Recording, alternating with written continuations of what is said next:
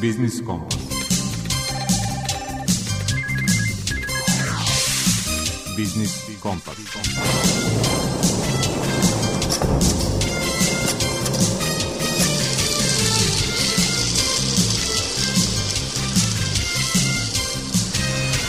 Pred mikrofonom je Đuro Vukilić. Dobar dan poštovani slušalci. Zakorači smo i u decembar mesec u kojim obično podlačimo liniju između učinjenog i planova za narednu godinu. U godini pred nama budžet Srbije trebalo bi da bude za 7,8% veći u odnosu na rebalansom korigovani. O toj temi govorit ćemo sutra u rubrici povodom prepodnevnog programa. A danas ćemo pažnju posvetiti još jednoj ovih dana aktuelnoj temi – embargu Evropske unije na rusku naftu. Iz razgovora sa sekretarom Udruženja za energetiku i rudarstvo u Privrednoj komori Srbije Ljubinkom Savićem izdvojemo pitanje može li Srbija iz sobstvenih naftnih izvora da barem delimično odgovori eventualnom zaoštravanju energetske krize. Gost autor rubrike iz mog ugla je docentkinja na FEFA fakultetu Jelisaveta Lazarević govori o tome kakvu zimu možemo da očekujemo u Srbiji u kontekstu energetske krize, rasta rata kredita i poskupljenja životnih namirnica. Tema rubrike Svet preduzetništva je digitalni test samostalnosti, na koji način omogućava preduzetnicima sigurnost u poslovanju, objasnit će menadžerka u kompaniji Klever Mina Simić. Drugi deo emisije ide u susret predstojećim praznicima. U rubrici Predmet financije, direktor odeljenja za devizni sistem u Narodnoj banci Srbije, Sandra Dukić, govori o sadržini finansijskog vodiča za povratnike. Praznici podrazumevaju i praznične kupovine. Šta razlikuje sezonska sniženja od akcijskih prodaja ili rasprodaja i kako izbeći trgovačke mahinacije – O tome u rubrici Potrošačka korpa prava govori pravni savjetnik u Udruženju za zaštitu potrošača Vojvodine Mladen Alfirović. Pre najavljenih tema predahnimo uz numeru po izboru našeg muzičkog urednika Zorana Gajinova. if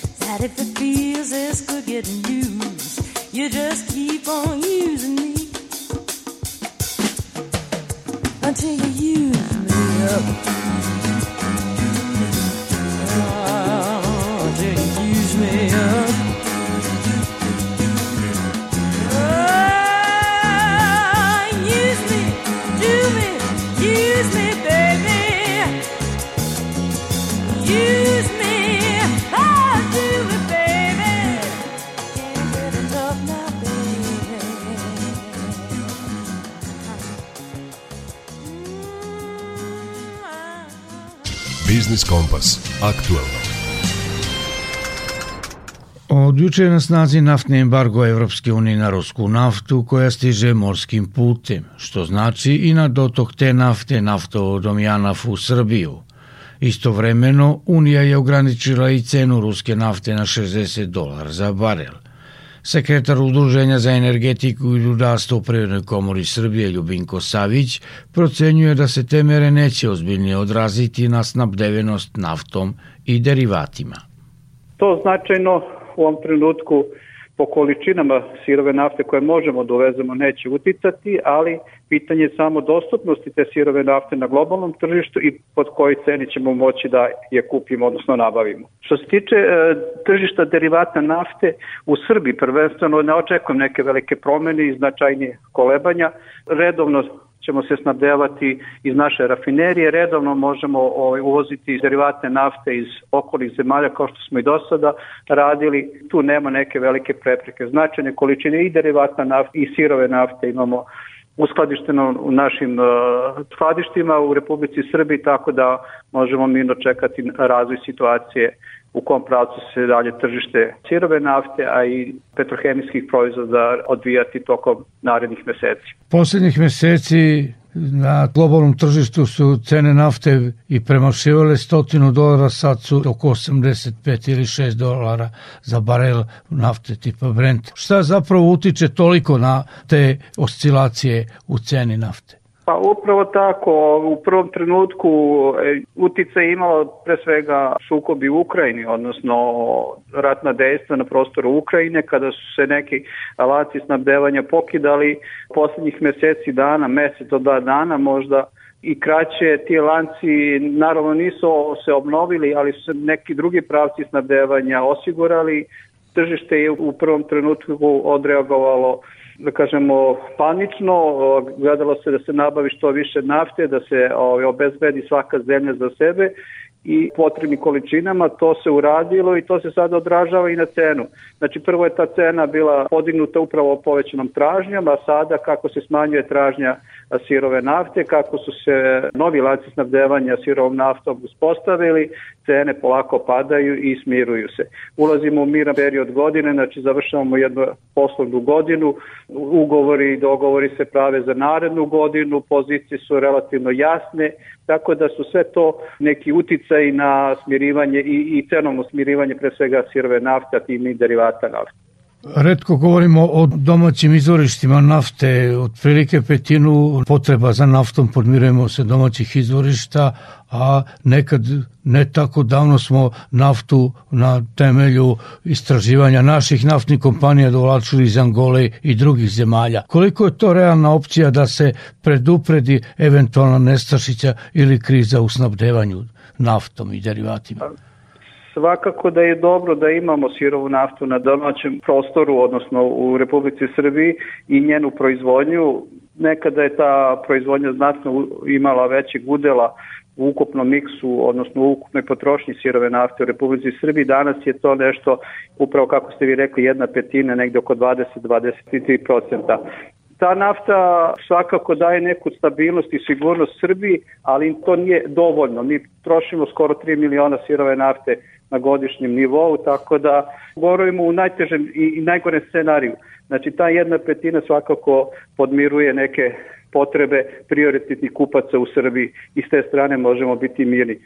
Čak ne mogu ni predvideti da će doći do nekog najgoreg scenarija, jednostavno možemo samo pričati o domaćem potencijalu. On je nekoli, u neku ruku predisponira geološkim potencijalima podzemlja koje imamo u Srbiji, odnosno prvenstveno u Vojvodini i dole po Moravlju. Što se tiče proizvodnje u Angoli, mi jesmo imali nekada koncesiju na Angoli i danas imamo tu koncesiju, međutim to su male količine koje se prodaju na globalnom tržištu jer nije ekonomski opravdano tu malu količinu transportovati iz Angole prema Srbiji.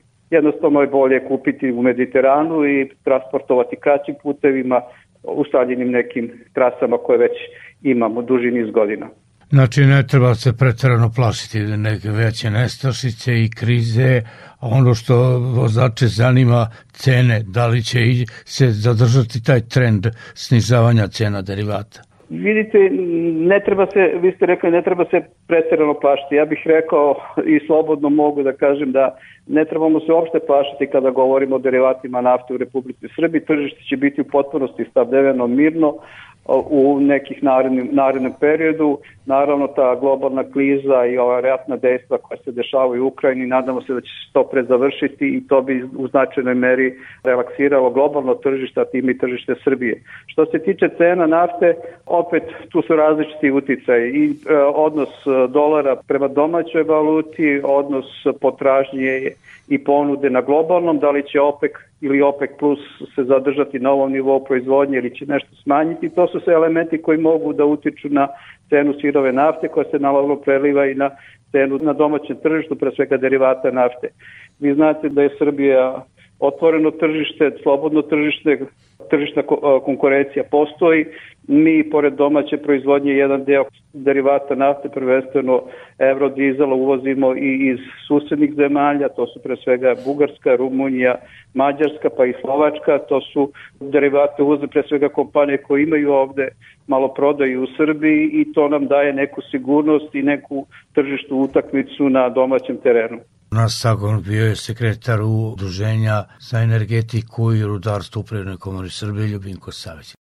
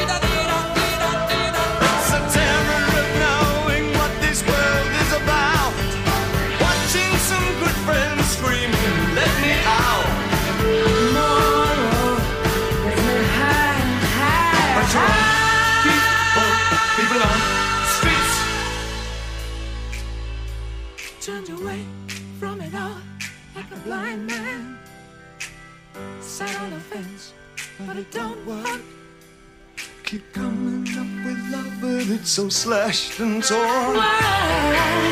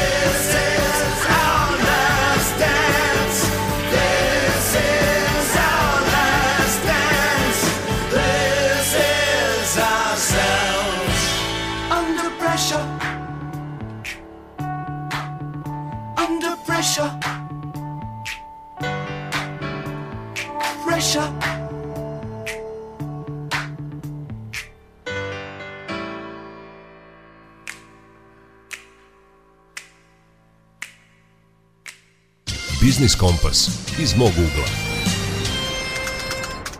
Docentkinja na FEFA fakultetu i ekonomska novinarka Jelisaveta Lazarević u rubrici iz mog ugla analizira kakvu zimu možemo da očekujemo u Srbiji u kontekstu energetske krize, rasta rata kredita i poskupljenja životnih namirnica.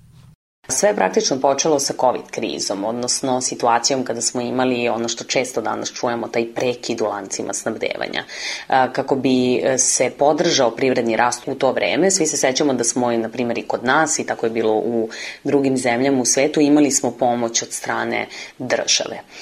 E, onda je počeo rat u Ukrajini i to je sa ovim prethodnim navedenim dovelo do rasta cena, odnosno do rasta inflacije. Zašto? Pa zato što štampanje novca znači da svi mi imamo više para i onda to omogućava da naša tražnja raste. Dodatno tokom covid smo bili dosta zatvoreni, pa smo povećali štednju koju smo onda krenuli da trošimo kada se život praktično vratio u normalu. Sve to uticalo je na rast cena. Dodatno rat u Ukrajini je dodatno podstakao inflaciju. Rusija vam je jedan od najvećih proizvođača nafte i gasa na svetu nafta i gas pokreću privredu. Dodatno, Ukrajina je jedan od najvećih proizvođača žitarica na svetu, žitarice su input za različite sektore privrede, na primjer input su u stočarstvu, u proizvodnji konditora i slično. I onda i rat u Ukrajini dodatno podstakao rast cena. Dakle, inflacija je jedan izazov i kako se približavamo kraju godine, ona je, na primjer, u Srbiji prema poslednjim podacima dostigla nivo od 15% u oktobru, prethodno je Narodna banka Srbije procenjivala da će pik od 14% biti u septembru, tako da pred donosiocima odluke monetarnih politika i dalje stoji problem inflacije koji će u narednom periodu se svakako rešavati dodatnim restriktivnim potezima, odnosno podizanjem kamatnih stopa, na primer To se očekuje u narednom periodu i kada je u pitanju Fed i kada je u pitanju Evropska centralna banka. Inflacija je tu naravno i zbog rasta cena hrane i energenata. Energetski sektor predstavlja sledeći izazov za privrede širom sveta, pa tako i za nas. Na primjer, u svojoj oceni rebalansa budžeta Fiskalni savet ocenjuje da postoje ogromni rashodi za pokrivanje gubitaka javnih preduzeća iz energetskog sektora u Srbiji, odnosno da nema velikih izdataka za Srbija gas i EPS, budžet bi imao deficit koji bi bio manji od 2%, a on je rebalans iznosom blizu 4% BDP-a. E, ja takođe redovno čitam i analize Bloomberg Adria analitičkog tima. Na Bloombergu takođe radim kao chief economy producer i baš jedna od analiza koju sam skoro čitala kaže da cene energenata za domaćinstvo u celom našem regionu su ove godine znatno porasle, a da se u 2023. očekuje smirivanje cena kako godina bude odmicala. Ono što je važno kada je svakako Srbija u pitanju jeste da mi imamo puno malih i srednjih preduzeća u različitim regionima zemlje. Mnogo od njih su i hidden champions, odnosno skriveni šampioni, a te male i srednje firme su po definiciji fleksibilnije i agilnije kada je odgovor na krizu u pitanju. Tako da svako unapređenje ekosistema koje doprinosi tome da imamo više takvih firmi je u stvari korak ka povećanju otpornosti privrede na krizu koja se sad dešava, ali krize će nastaviti svakako da se dešavaju.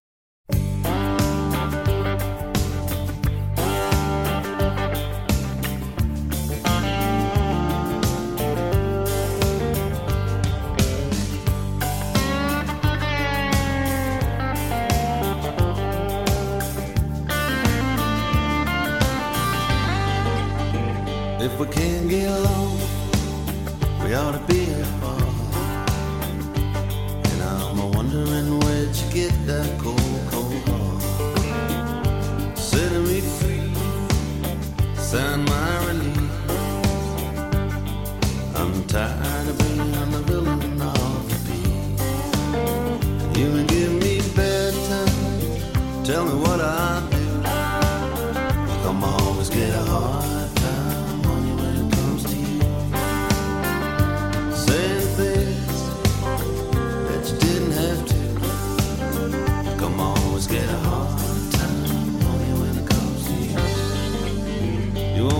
one life.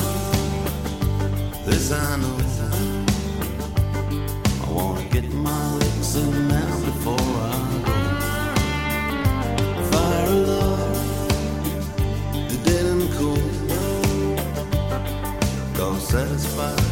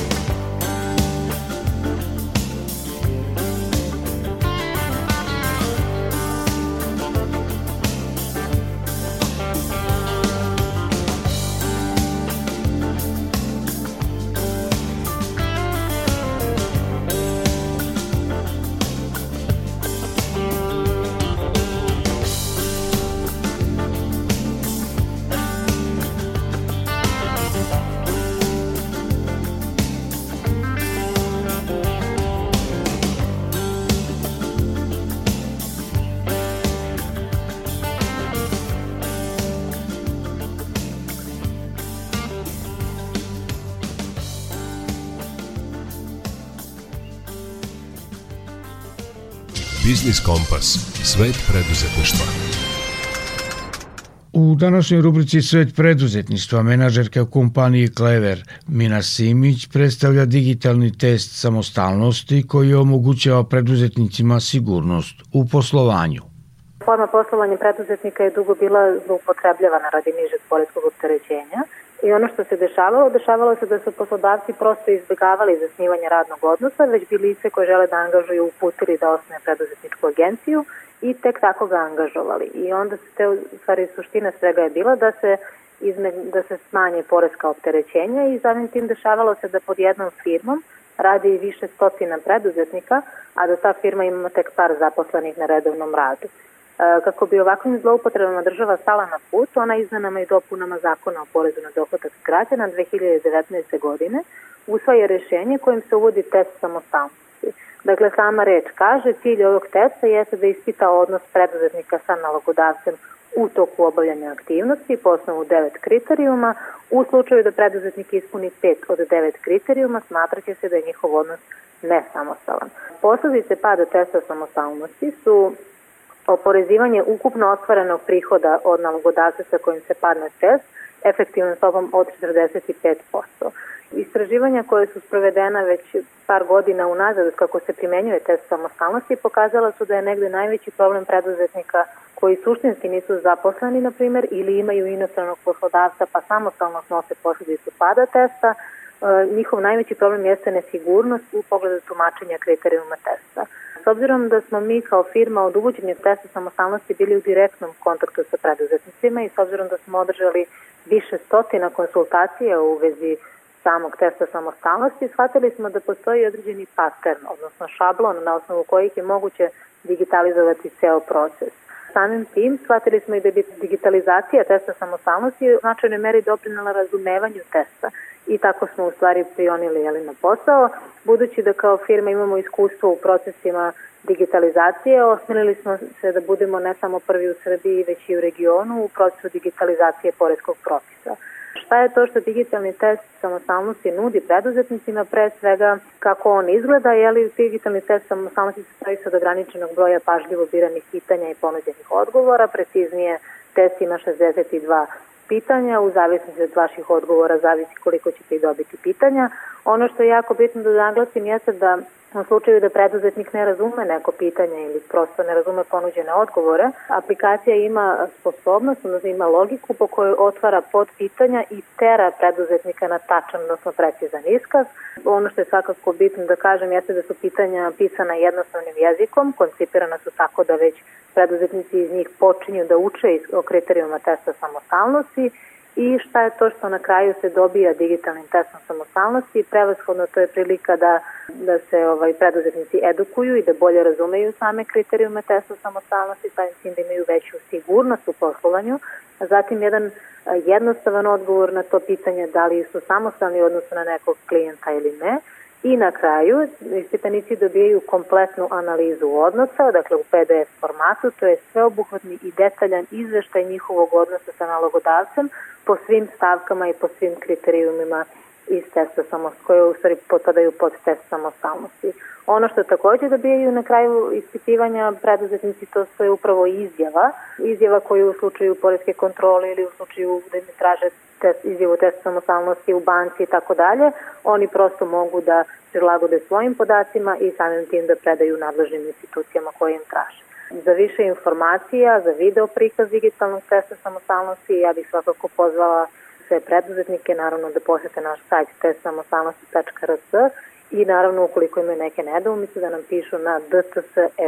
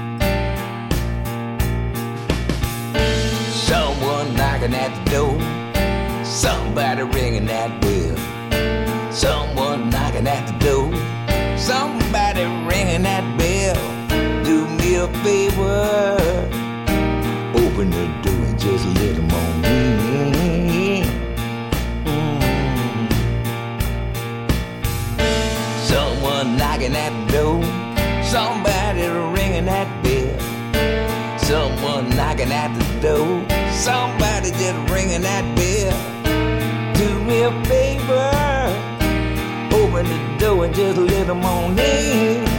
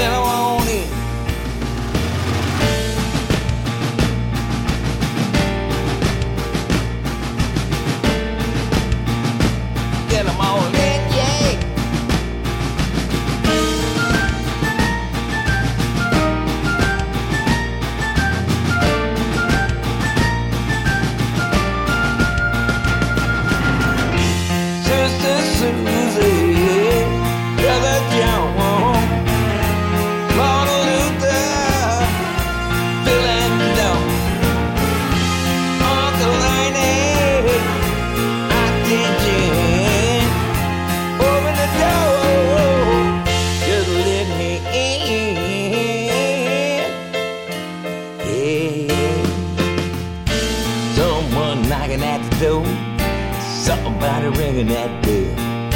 Someone knocking at the door. Somebody ringing that bell. Do me a favor. Open that door just a little more in. Yeah. Just a little more in.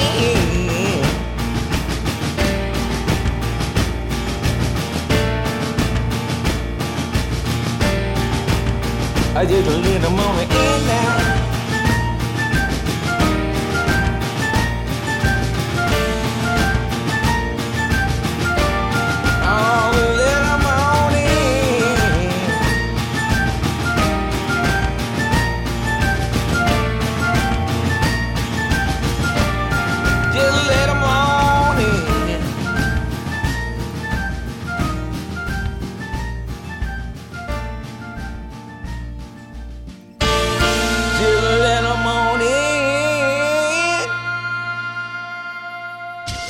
Biznis Kompas. Predmet financije. Polako se približavamo božićnim i novogodišnjim praznicima koje brojni naši sunarodnici provode u Srbiji. Nije stoga na odmet da ih upoznamo ili podsjetimo na finansijski vođić za povratnike Narodne banke Srbije. O sadržini te publikacije u rubrici Predmet financije govori direktorka Udeljenja za devizni sistem u Narodnoj banci Srbije Sandra Dukić. Kako bi se unapredila informisanost e, naših građana koji žele da se vrate u Republiku Srbiju i e, stvorili uslovi za njihov lakši povratak i bržu integraciju, Narodna banka Srbije je objavila finansijski vodič za povratnike. Cilj ovog vodiča je da se na jednom mestu jednostavno i sveobuhvatno pruže informacije u vezi sa većinom pitanja iz oblasti deviznog poslovanja, a kako bi povratak naših građana iz inostranstva u ovom aspektu bio što jednostavniji. U vodiču koji je objavljen na internet stranici Narodne banke Srbije date su informacije koje se pored ostalog odnose na e, status povratnika sa stanovišta deviznih propisa i s tim u vezi pojašnjeno je da povratkom u Republiku Srbiju ova lica ponovo stiču status rezidenata i na njih se primenjuju devizni propisi koji važe i za ostale građane. Date su informacije koje se odnose na proceduru otvaranja računa kod banke u Srbiji, dokumentaciju koja se tom prilikom podnosi, način na koji ova lica mogu izvršiti prenos novca iz inostranstva u Srbiju, a takođe imajući u vidu da su povretnici često zainteresovani za mogućnost da zadrže svoje račune kod banaka u inostranstvu, u vodiču su data pojašnjenja pod uh, kojim uslovima ova lica kao rezidenti mogu da drže devize kod uh, inostranih banaka. Unapređenjem investicione klime u Republici Srbiji uh, otvorene su brojne mogućnosti i za ulaganje povratnika u projekte i infrastrukturu u zemlji i s tim u vezi u vodiču su date informacije na koji način povratnici mogu da presele svoj biznis u Srbiju, kako mogu da osnuju privredna društva, da vrše transakcije po osnovu svog poslovanja i druge informacije u vezi sa delatnošću tog društva u delu primene deviznih propisa. Uh, ukoliko ste povratnik uh, i um, ukoliko niste, a imate određena pitanja koja se odnose ne samo na devizno poslovanje već i na druge oblasti koje su nadležnosti Narodne banke Srbije. E, Narodna banka je radi unapređenja informisanja javnosti e, uspostavila kanale neposredne komunikacije i na taj način građanima i privrednicima omogućeno je da postavljaju pitanja direktno Narodnoj banci putem obrazaca na internet stranici. E, pored toga, Narodna banka Srbije je u cilju napređenja transparentnosti deviznih propisa na svom zvaničnom sajtu objavila i najčešće postavljena pitanja iz oblasti deviznog poslovanja, što takođe može predstavljati značajnu pomoć povratnicima u ovom aspektu njihove integracije.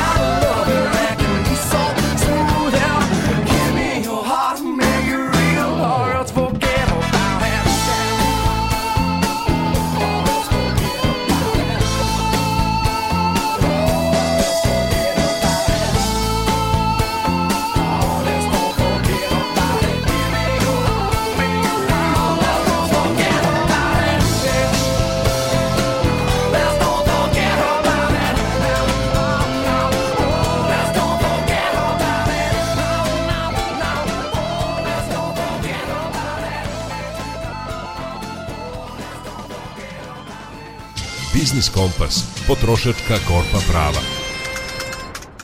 Šta razlikuje sezonska sniženja od akcijskih prodaja ili rasprodaja i kako izbjeći trgovačke mahinacije? Ako tu lekciju niste savladali u crni petak, Novu priliku nudi vam u rubrici Potrošačka korpa prava pravni savjetnik u Udruženju za zaštitu potrošača Vojvodine Mladen Alfirović.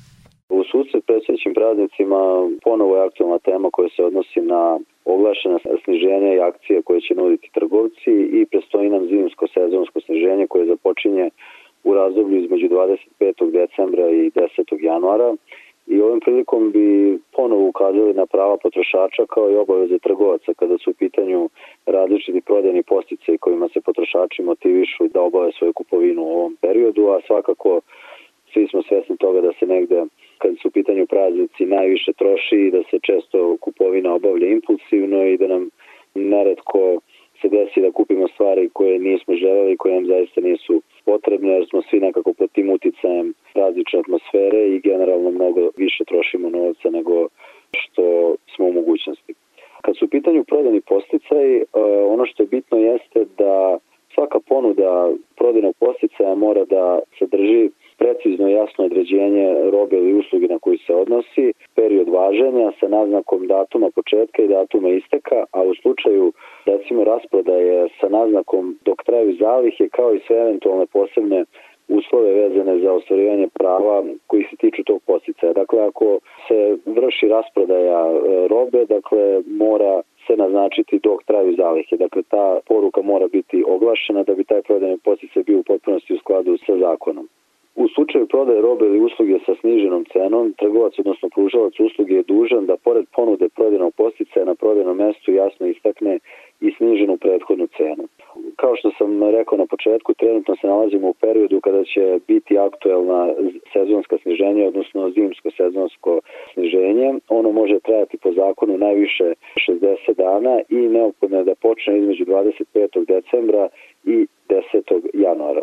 Najčešće situacije sa kojima se susrećemo prilikom kupovine, a za koje je recimo zakon o trgovini predvideo novčanu kaznu, u slučaju da, da trgovac krši svoje obaveze propisane zakonom su te da recimo trgovac oglasi najviši procenat sniženja u prodajnom objektu, a tu se prilikom kupovine suočimo sa situacijom da je zanemarljiv broj artikala koji su ponuđeni po toj sniženoj ceni. Zakon propisuje da kod oglašavanja procenta sniženja najveći procent sniženja može da se navede samo ukoliko se odnosi na najmanje jednu petinu robe u asortimanu trgovca. To praktično znači da ako mi vidimo natpis zimsko sezonsko sniženje do 60%, do 70%, do 50%, dakle robe mora biti najmanje jedna petina u tom iznosu kad uđemo u tu prodavnicu. Potrošači često imaju utisak da su u pitanju neka prividna sniženja, da je cena na koju se obračunava popust oglašena u zanemarljivo kratkom periodu. Zakon reguliše i ovu situaciju i kaže da je zabranjeno oglašavanje prodajnih posticaja kojim se oglašava navodna rasprodaja ili prividno sniženje, obim sniženja ili slično, ako je ranija cena neistinito prikazana ili je roba ili usluga bila ponuđena po ranijoj ceni u zanemarljivo kratkom periodu. Dakle, to su one situacije koje smo imali sad skoro za kada je bio crni petak, da recimo stara cena bude aktualna 2-3 dana, pa se ona precrta i onda se na nju obračuna to neko sniženje, a prethodno se podigne ta cena. Dakle, to je situacija koja je zabranjena zakonom o trgovini i sve ove neke sitne prekršaje trgovaca bi trebalo prijavljivati potrošačkim organizacijama i nadležnim inspekcijama kao što smo više puta apelovali kad smo govorili o ovim temama. Dešava se često i u praksi da se jasno ne navodi razlog sniženja kada on postoji. Zakon propisuje ako se prodajni posticaj nudi za robu koja je recimo umanjena upotrebna vrednost, kao što recimo roba sa greškom, oštećena roba, roba pred istekom trajanja i slično, taj razlog se mora jasno i nedvosmisleno istaći na prodajnom mestu. Dakle, ta roba mora da bude posebno odvojena i posebno oglašena i da se navede, kao što sam rekao, tačan razlog. Takođe, ono što se najčešće javlja u praksi jeste i redovna akcijska prodaja sa sniženom cenom. Sa ovim akcijama se susrećemo gotovo svakodnevno prilikom kupovine i dakle akcijska prodaja je nešto potpuno drugo u odnosu na sezonsko sniženje. Može da traje najduže 31 dan i trgovac ili pružavac usluge koji organizuje akcijsku prodaju sa rokom važenja do 3 dana ne mora da, da istakne prethodnu cenu. Dakle, ako je akcija koja se odnosi samo na 3 dana, prethodna cena ne mora biti oglašena i ono što smo već definisali jeste rasprodaja rasprodaja se može obavljati samo u situaciji kada recimo trgovac prestaje sa poslovanjem, kada se zatvara neka prodavnica ili maloprodajni objekat i tada taj prodajni posticaj može da se nazove e, rasprodaja. Dakle, ovde smo razgraničili rasprodaju, akcijsku prodaju i zimsko sezonsko sniženje. Kao i one situacije sa kojima ćemo se, nažalost, verovatno susretati i ovog zimskog sezonskog sniženja, a koje se tiču prekršaja od strane e, trgovaca i ono što je najvažnije jeste da konstantno informišemo potrošače, da ih upoznajemo sa njihovim pravima, ali i obavezama trgovaca kako bi potrošači potpuno rasterećeno i spremno mogli da, da obave kupovinu u ovom prazničnom periodu.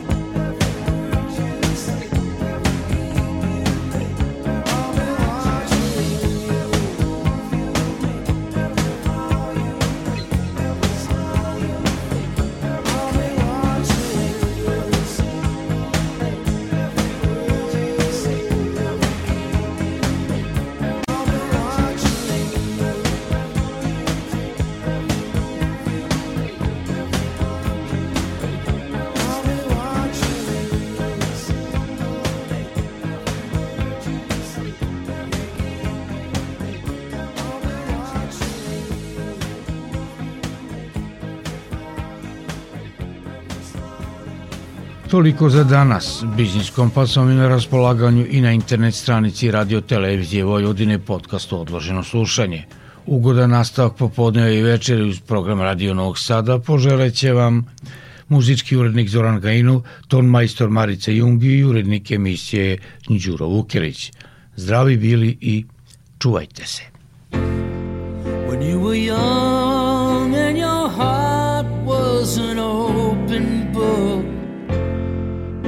used to say, live and let live. You know you did, you know you did, you know you did. But if this ever changing world in which we live in makes you give in and cry,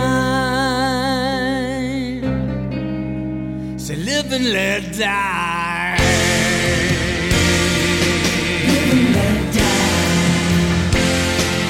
Live and let die.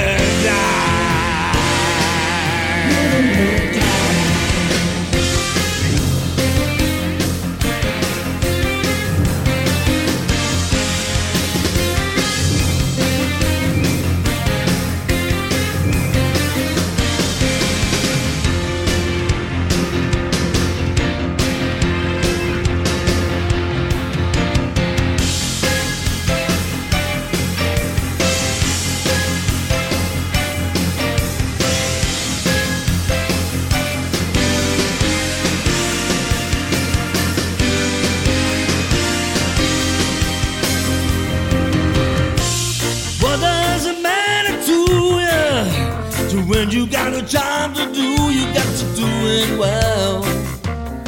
You gotta give the other fella hell.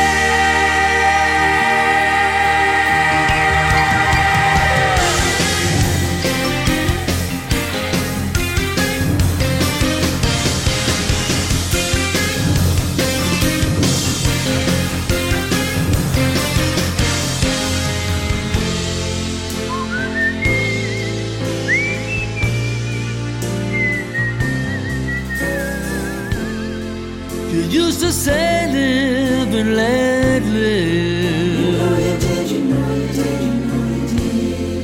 But if this ever changing world in which we live in makes you give in and cry, so live and let die.